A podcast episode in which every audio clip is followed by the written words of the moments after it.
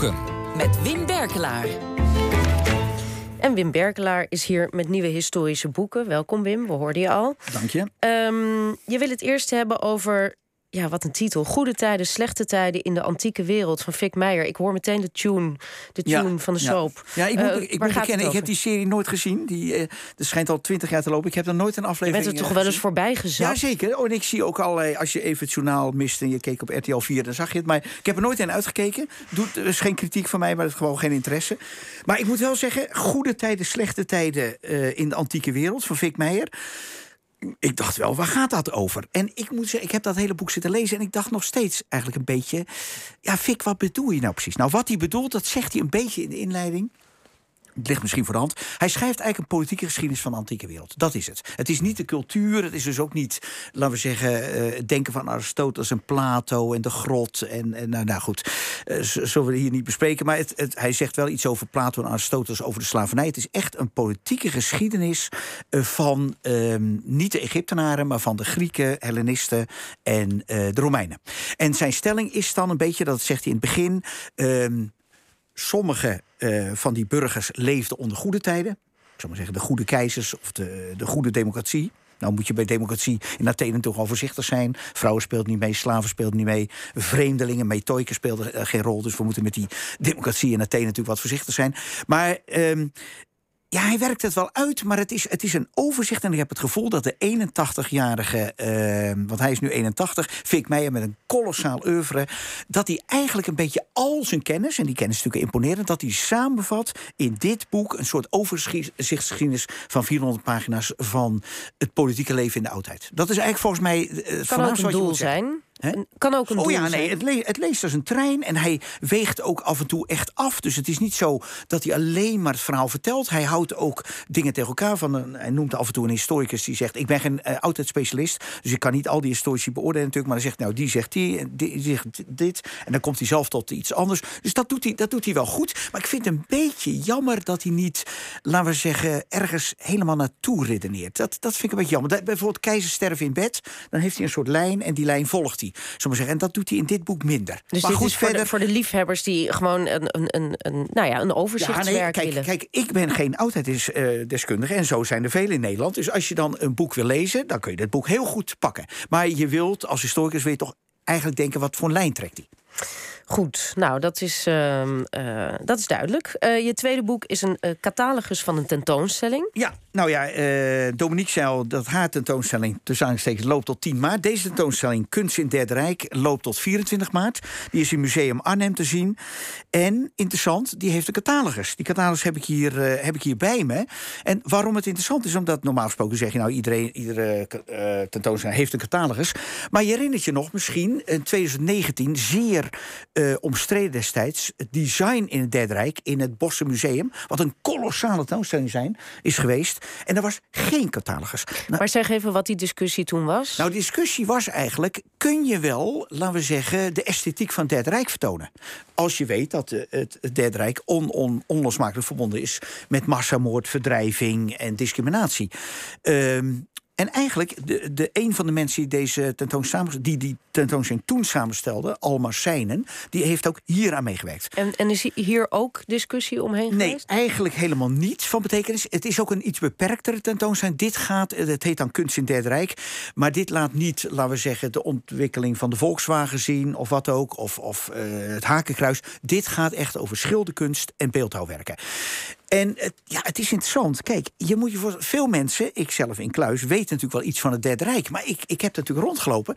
Ik verbaasde me toch over allerlei schilders waar je eigenlijk nog nooit van gehoord had. Die daar heel prominent een rol speelden. Die allemaal, laten we zeggen, in 1933, of allemaal maar veel van die mensen waren op zijn minst veertigers.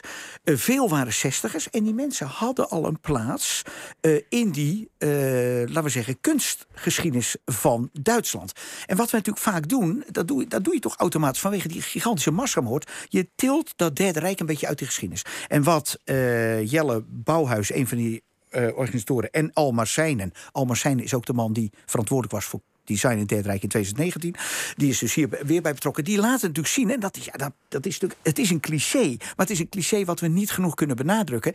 Die uh, dat Derde Rijk stond inderdaad in die lijn van die geschiedenis. En dat kan je heel goed aan die kunstenaars zien. Veel van die mensen waren gewaardeerde expressionisten, of realisten zoals het heet, voor 1918. En die zijn, ja, noodgedwongen door de totalitaire dictatuur, zijn ze gaan aanpassen.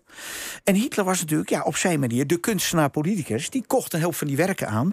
En die heeft dus echt gedacht. Eh, dit moeten we laten zien. Dus dit is een tentoonstelling over uh, kunst in Derde Rijk. Die werd elk jaar tussen 1937 en 1944 vertoond. Daar kwamen honderdduizenden mensen op af destijds. Ehm, of ze kwamen om kritisch te kijken, of ze kwamen om het te genieten.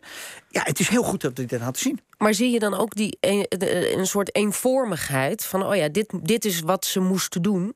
Ja, deels. Nee, niet allemaal. Kijk, deels is het ehm, teruggrijpen op Rembrandt en Vermeer en dan imitatoren die dan uh, eigenlijk helemaal geen echte zeggingskracht hadden. Dus dan zie je, je ziet heel veel naakt, maar Aries naakt.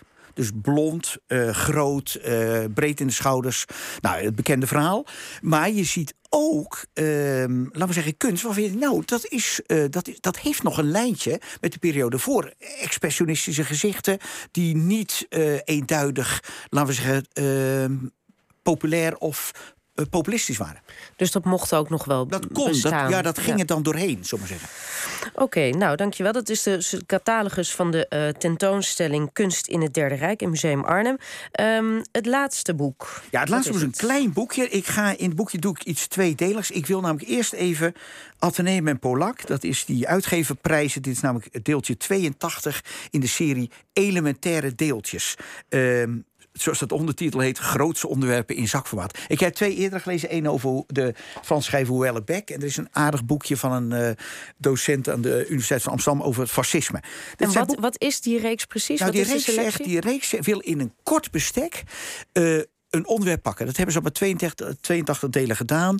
Uh, in kort bestek willen ze een groot onderwerp pakken. Dus er is over het Derde Rijk al even verschenen. Het fascisme, wat ik al noem. Huellebeck. En nog wat van die dingen. En, en dat zijn ja, dit is weer dat derde deeltje. Die andere twee waren ook al goed. Het is echt, echt een goed boek van Thijs Leijster, een docent uh, aan de Universiteit van Groningen, over de Frankfurter Schule. Ik dacht, waarom neem ik die Frankfurter Schule? Omdat dat eigenlijk nu nog altijd en omstreden en interessant is. Vertel even wat het is. Nou, de Frankfurter Schule dat is een voornamelijk door Joodse intellectuelen opgerichte beweging in de, in de jaren 30.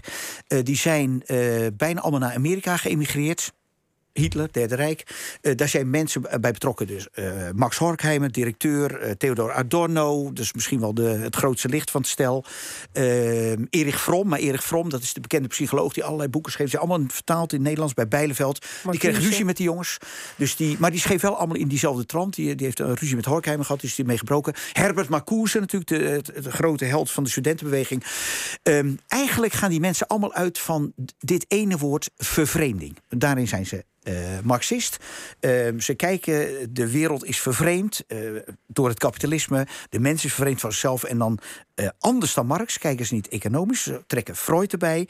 Dus waar ze Marx proberen te psychologiseren, proberen ze Freud te historiseren. Dat betekent, Marx had bovenbouw, laten we zeggen, dat was de cultuur. Maar het was de economie die het al bepaalde. Terwijl Freud keek volgens onze vrienden hier wat statisch naar de burger was een bourgeoisman eh, rond 1900 in Wenen. En hij, zij zeggen, je moet die twee verbinden. En dan krijg je de kritische theorie. Je verbindt dat uh, bij elkaar en dan kijk je uh, kritisch naar die samenleving. Dan moet ik erbij zeggen, je hebt ook nog twee volgende generaties. De bekendste daarvan is Jurgen Habermas. En Jurgen Habermas zet zich weer wat af tegen deze twee, want die, tegen de, de oude generatie. Want die oude Frankfurters zijn eigenlijk heel somber. En dit is mijn kritiek op die Frankfurters heel negatief, te negatief over de democratie. Bijvoorbeeld als zij, je hebt een heel beroemd boek, Dialectiek der, van, de, van de Verlichting, dat is van Horkheimer en Adorno. En eigenlijk vegen ze dan zitten ze in Amerika, dan vegen ze de hele Amerikaanse democratie min of meer op één hoop met het Derde Rijk. Het is alle, we worden allemaal misleid. En, dus je moet naar die Frankfurters, naar mijn gevoel, ook wat kritisch kijken. Maar waarom het interessant is, is omdat Forum voor Democratie, inmiddels een zieltogende club van drie zetels. Uh, maar goed, met, wel met uh, de, grote leider uh, Baudet. Die zijn natuurlijk, deze jongens, dit is het kwaad van nu. Deze proberen ons als cultuurmarxisten te, nou ja, te besodemieteren. Dus daarvoor uh, moeten we over de Frankfurter Schule Ja, moet je dit boek beslist lezen. Iedereen die er kennis van... Ik heb alle andere inleidingen. Als je dit wil moet je dit boekje van Thijs Lijsten pakken. Uit, uit de serie Elementaire Deeltjes. Dankjewel, Wim Berkelaar. en wie wil nalezen welke boeken hier net aan de orde kwamen... kan terecht op onze website vpro.nl slash ovt. Na het